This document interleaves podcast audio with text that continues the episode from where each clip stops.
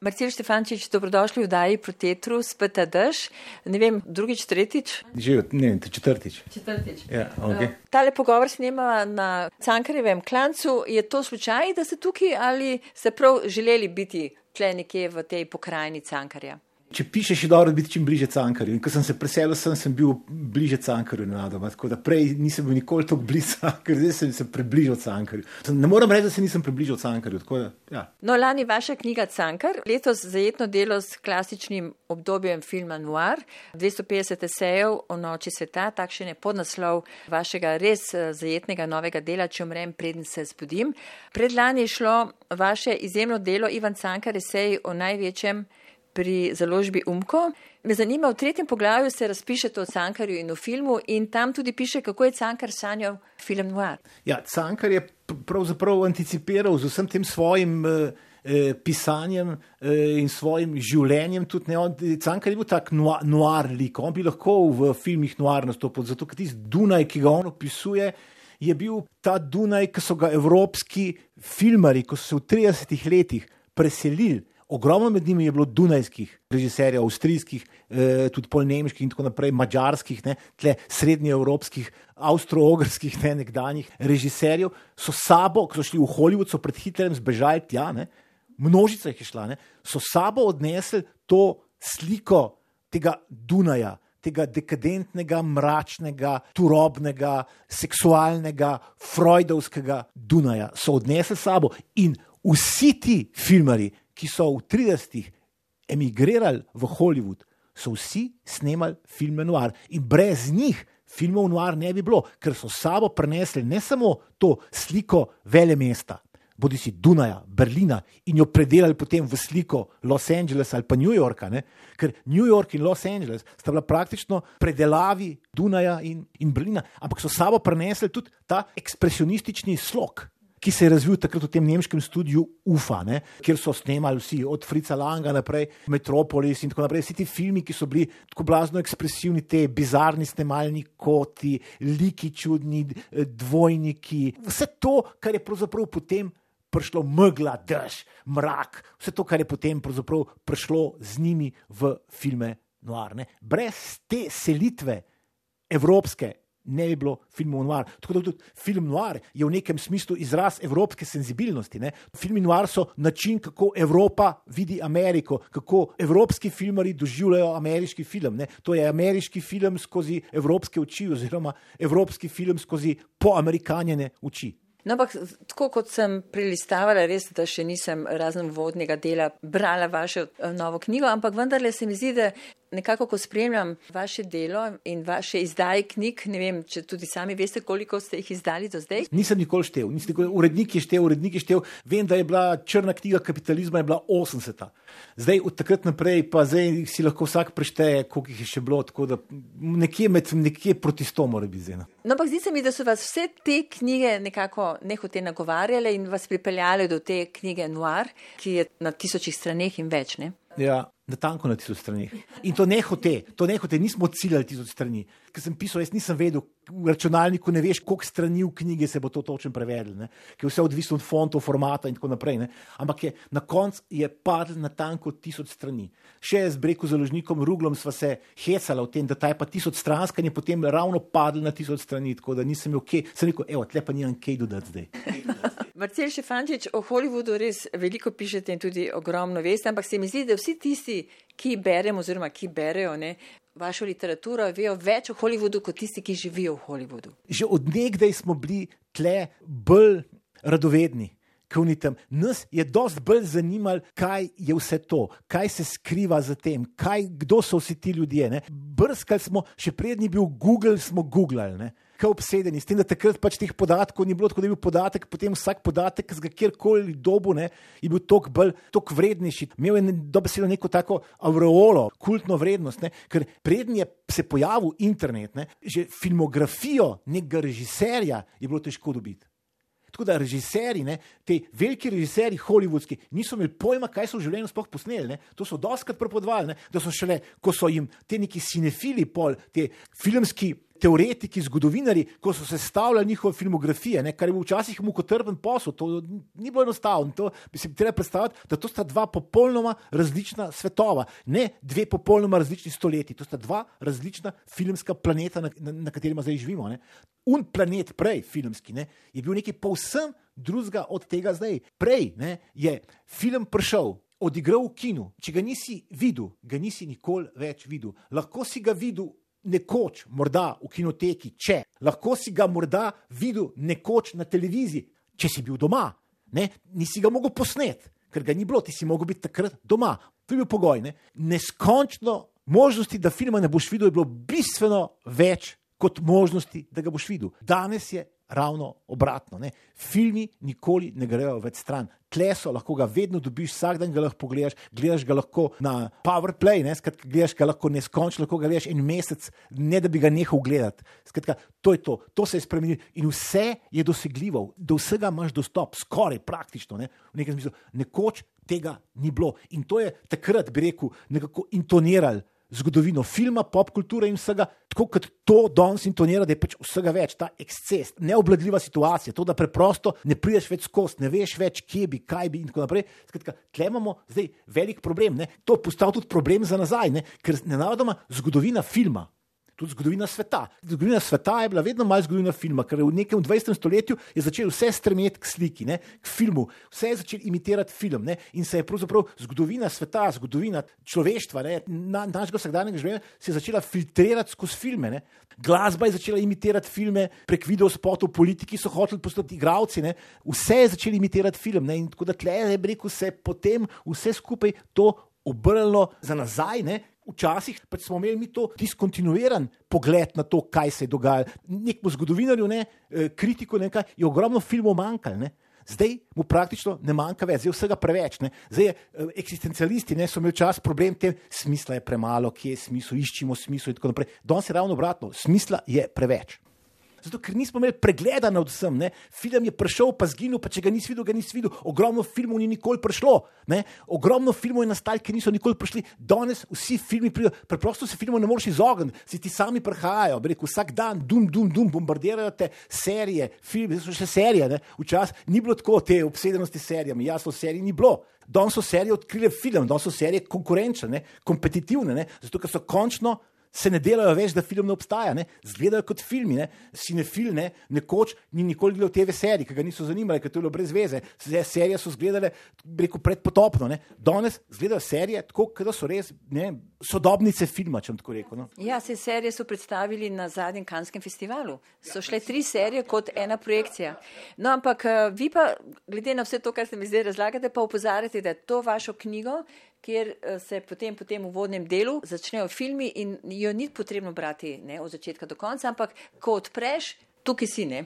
Ja, tukaj si, zato ker je eh, komponirana, si tudi Cankarja, knjiga od Cankarja je zelo podobno komponirana. Lahko si odprl, kjer hočeš, ne, in tudi to odpreš, kjer hočeš. Praktično kot Biblijo odpreš. Ne, in eh, kjerkoli odpreš, ti bo ven padlo kvaliteten umor, ne, eh, kvaliteten način, načrt za umor. Eh, ravno nekdo, mož pa žena, ravno pripravljata rekel, umor nekoga ali pa ljubimec in žena. Skratka, zvedno ti pade ven načrt za popolni zločin. Breku, ker film Noir, breku, ogromno teh filmov Noir je, je obdelovalo nek načrt nekoga za popolni zločin, ne? za neko genialno dejanje. Ne? In to je dosti zanimivo. Vse te zgodbe, vse ti filmi so se končali na podoben način. Namreč ta, ki je prepričan, da je zagrešil popolni zločin, popoln umor. Ne? ima to za neko svojo mojstrovino, za nekaj genialnega. In zdaj jasno, njemu gre najbolj na živce to, da svet ne bi vedel, da je on genij, da ne bi ljudje vedeli, kdo je ustvaril to genialno mojstrovino, popolni zločin in se zmeri slejko prej na nek način vendarle izda. Tako da pri serijskih morilcih je tisti, ki poznamo tiste zgodbe o serijskih morilcih, ameriških, tam, ne, tudi kakšnih evropejskih, ne, da serijski morilci, ampak je sam neke signale pošiljal, ne, stalno. Stalno si neki dopisoval z oblastmi, ne, s policijo, nekaj jim je pošiljal, puščal jim neke sledi. Skratka, hočejo biti prijeti, hočejo, da nekdo, da ljudje eh, prepoznajo mojstra, avtorja te mojstrovine popolnega zločina. Ne? In tle pri filmih, filmi Noir so pravzaprav vse to anticipirali. Sej, v tem je štos, ne? ta moja knjiga je katalog vseh teh situacij, vseh teh preobratov in obratov in zapletov in razpletov tenzi, napetosti, ki se ponavljajo, ponavljajo in ponavljajo v sodobnih kinematografijah. Skratka, filmi Noir so pravzaprav anticipirali in intonirali vse te preobrate in obrate, ki jih danes doživljamo kot nekaj originalnega. Ne? Zdaj, kdor gre gledati filme Noir stare, ne, bo gotov, pa se so oni že vse. In tako naprej. Ker danes, ki greš gledati filme, se ti zdi, mislim, tole je pa klišejsko, to smo pa že videli. Ja, seveda smo videli pol 30 let kasneje, smo videli, zato je to zdaj zveni klišejsko. Tako kot danes Shakespeare ne, zveni klišejsko, ne zato, ker kradejo Shakespeare v konori, skratka, sam predelujejo njegove situacije že, že, že 500-400 let. Ne.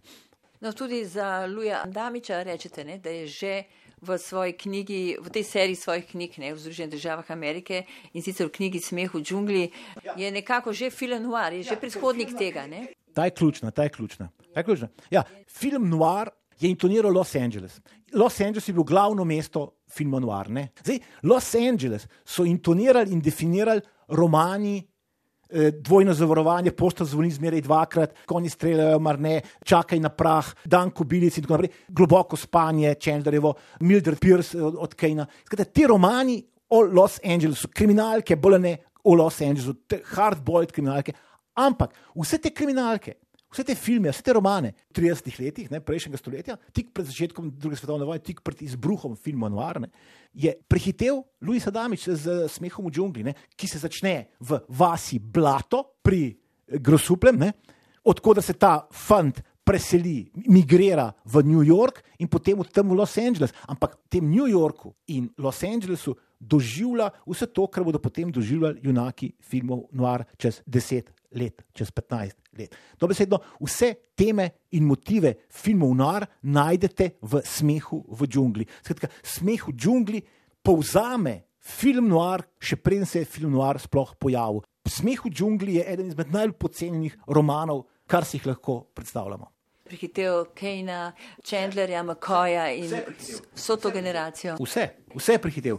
V bistvu je ta vaša knjiga tudi neke vrste analiza družbe Amerike, ne? Evrope, vsega, kar se je dogajalo. Ta 30. leta, 20. 30. druga svetovna vojna in potem vse to, kar se je dogajalo tik za, za tem. Zanimiv pred filmih tvar je, to, kako pravzaprav še vedno naslavljajo nas čas. Ne? Ker filmi Noir so bili takrat vendarle, ko bi rekel, pred svojim časom. E, skočili so naprej, skočili so tja, kjer mainstream Hollywood ni bil. Filmi Noir so bili neka anomalija, popolna anomalija. So bili evolucijski skok. Tak, ki si ga rekel, težko predstavljaš, ampak je povezan s tem, da so prišli te, vsi ti evropejci tja, da je prišlo do tega sožitja med hollywoodsko mašino in evropsko senzibilnostjo. Kaj se dogaja v filmih Noir, zakaj gre zmeri?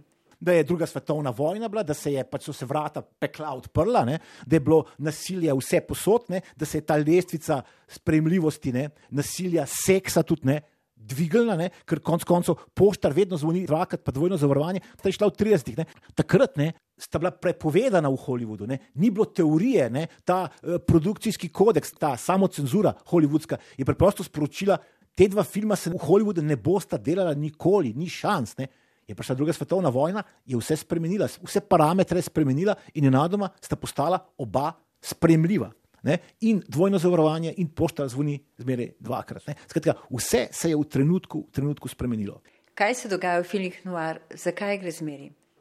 Vedno imamo nekoga, ki skuša vstopiti v kapitalizem, skuša se vključiti v te kapitalske odnose, skuša priti do tistega presežka denarja, skuša do, do, priti do trenutka, da bo lahko užival, skuša priti do neke sreče, eh, prebiti se skuša v to kapitalistično igro, postati hoče igralec v tej igri. In vedno znova ugotovine, da to ne bo šlo, da je kapitalizem zrežiran, da je pristranski, da obstajajo kartelni dogovori, razredne barijere, da so preprosto tako rigidne, tako statične, da jih ne moreš prebiti. Ta razredni bazen je neprebojen. Ne? Edini način, da se prebiješ v kapitalizem, je to, da se prebiješ s pomočjo kriminala.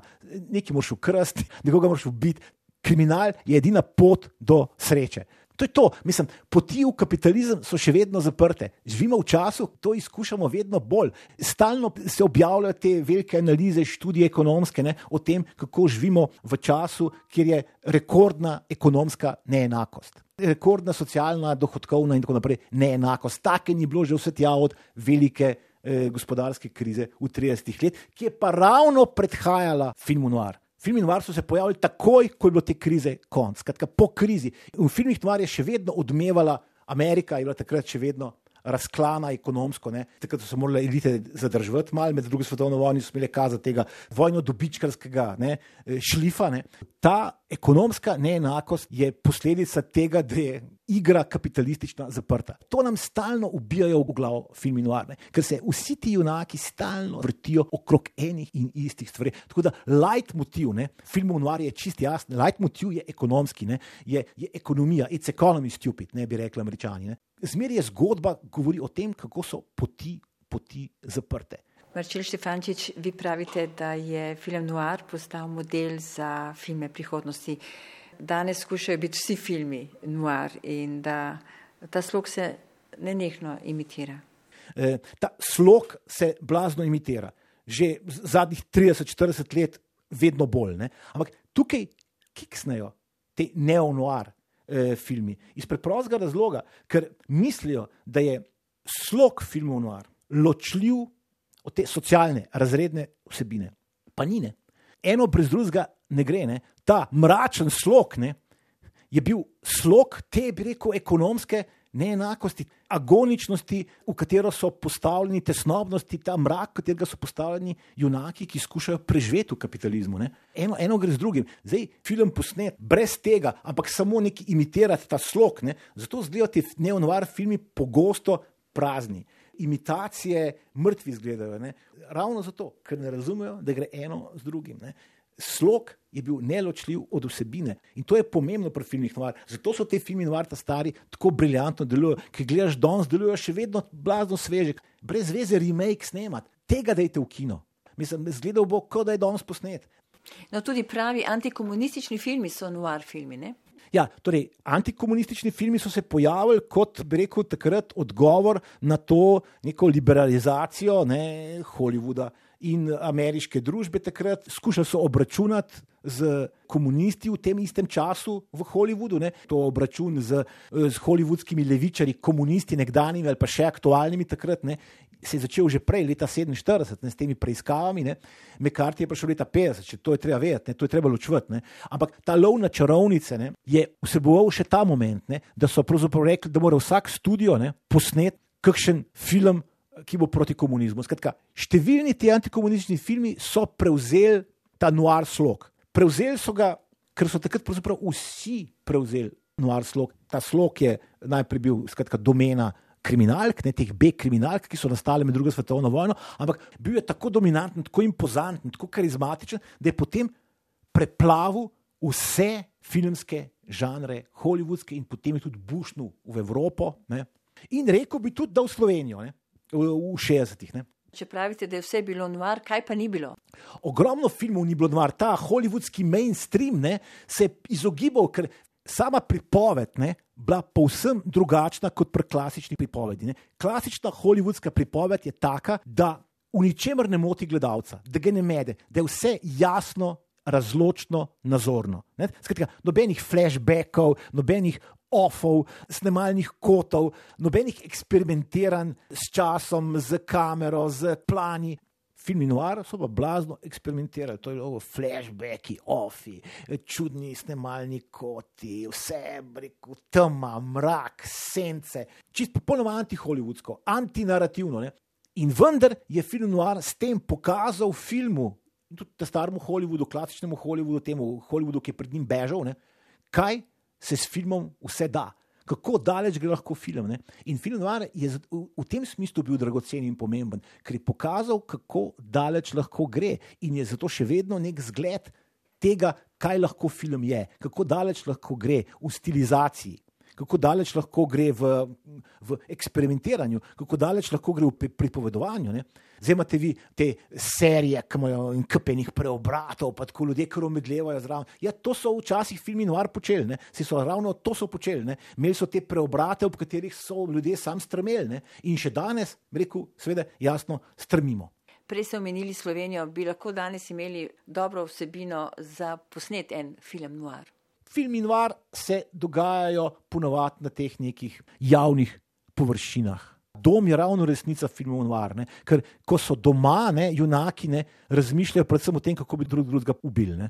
Mož, eh, ljubica, žena, brat, sestra, vsi razmišljajo o tem, kako bi se drug drugega znebili. Ne. Zdaj, v času te krize, pandemske, poslušamo že vse čas od prvega dneva to zgodbo o tem, kako so zdaj v času karantene ne, ljudje ostali doma in kako so zato, ker so ljudje ostali doma. Ni več tako kot prej, ne, ko kljub temu reko, vsak gre nekam, eni gre v službe in tako naprej, niso skupaj, ne, tako da imajo manj možnosti za to, da bi se pobijali in žrli med sabo. Ne, je tle se odprla kraljevska pot v to stopnjevanje nasilja v družini in o tem poročajo vse posod. Za štirimi stenami ne, se rojevajo zdaj zapleti za, po moje, slovenske kriminalke, nove za naslednjih 20 let ali pa 30 let. Za konec bom še dodala to vašo misel, da, da kdo bo prebral to knjigo, bo lahko začel pisati kar kriminalke. Ja, Sveda, kot sem rekel, ta knjiga je katalog vseh teh obratov, zapletov, razpletov, kriminalnih, ne? ker je tako, ko analiziram filme, povem kompletno zgodbo. Ni to tisto, kar se reče, no spoilers, to, to niso filmske kritike, zdaj, kjer malo nakaže, zakaj gre, ne smeš pa povedati, zato, da, bi, da ne bi užitka kradil drugim. To so pač stari filmi, to je pač drug tip knjige, je pa še nekaj resne. Filmi so tako dobri. Če začneš zgodbo nekega filma noir pripovedovati, jo moraš povedati do konca ker v nasprotnem primeru je bolje, da sploh ne začneš prepovedovati. Hvala, Mrče. Okay.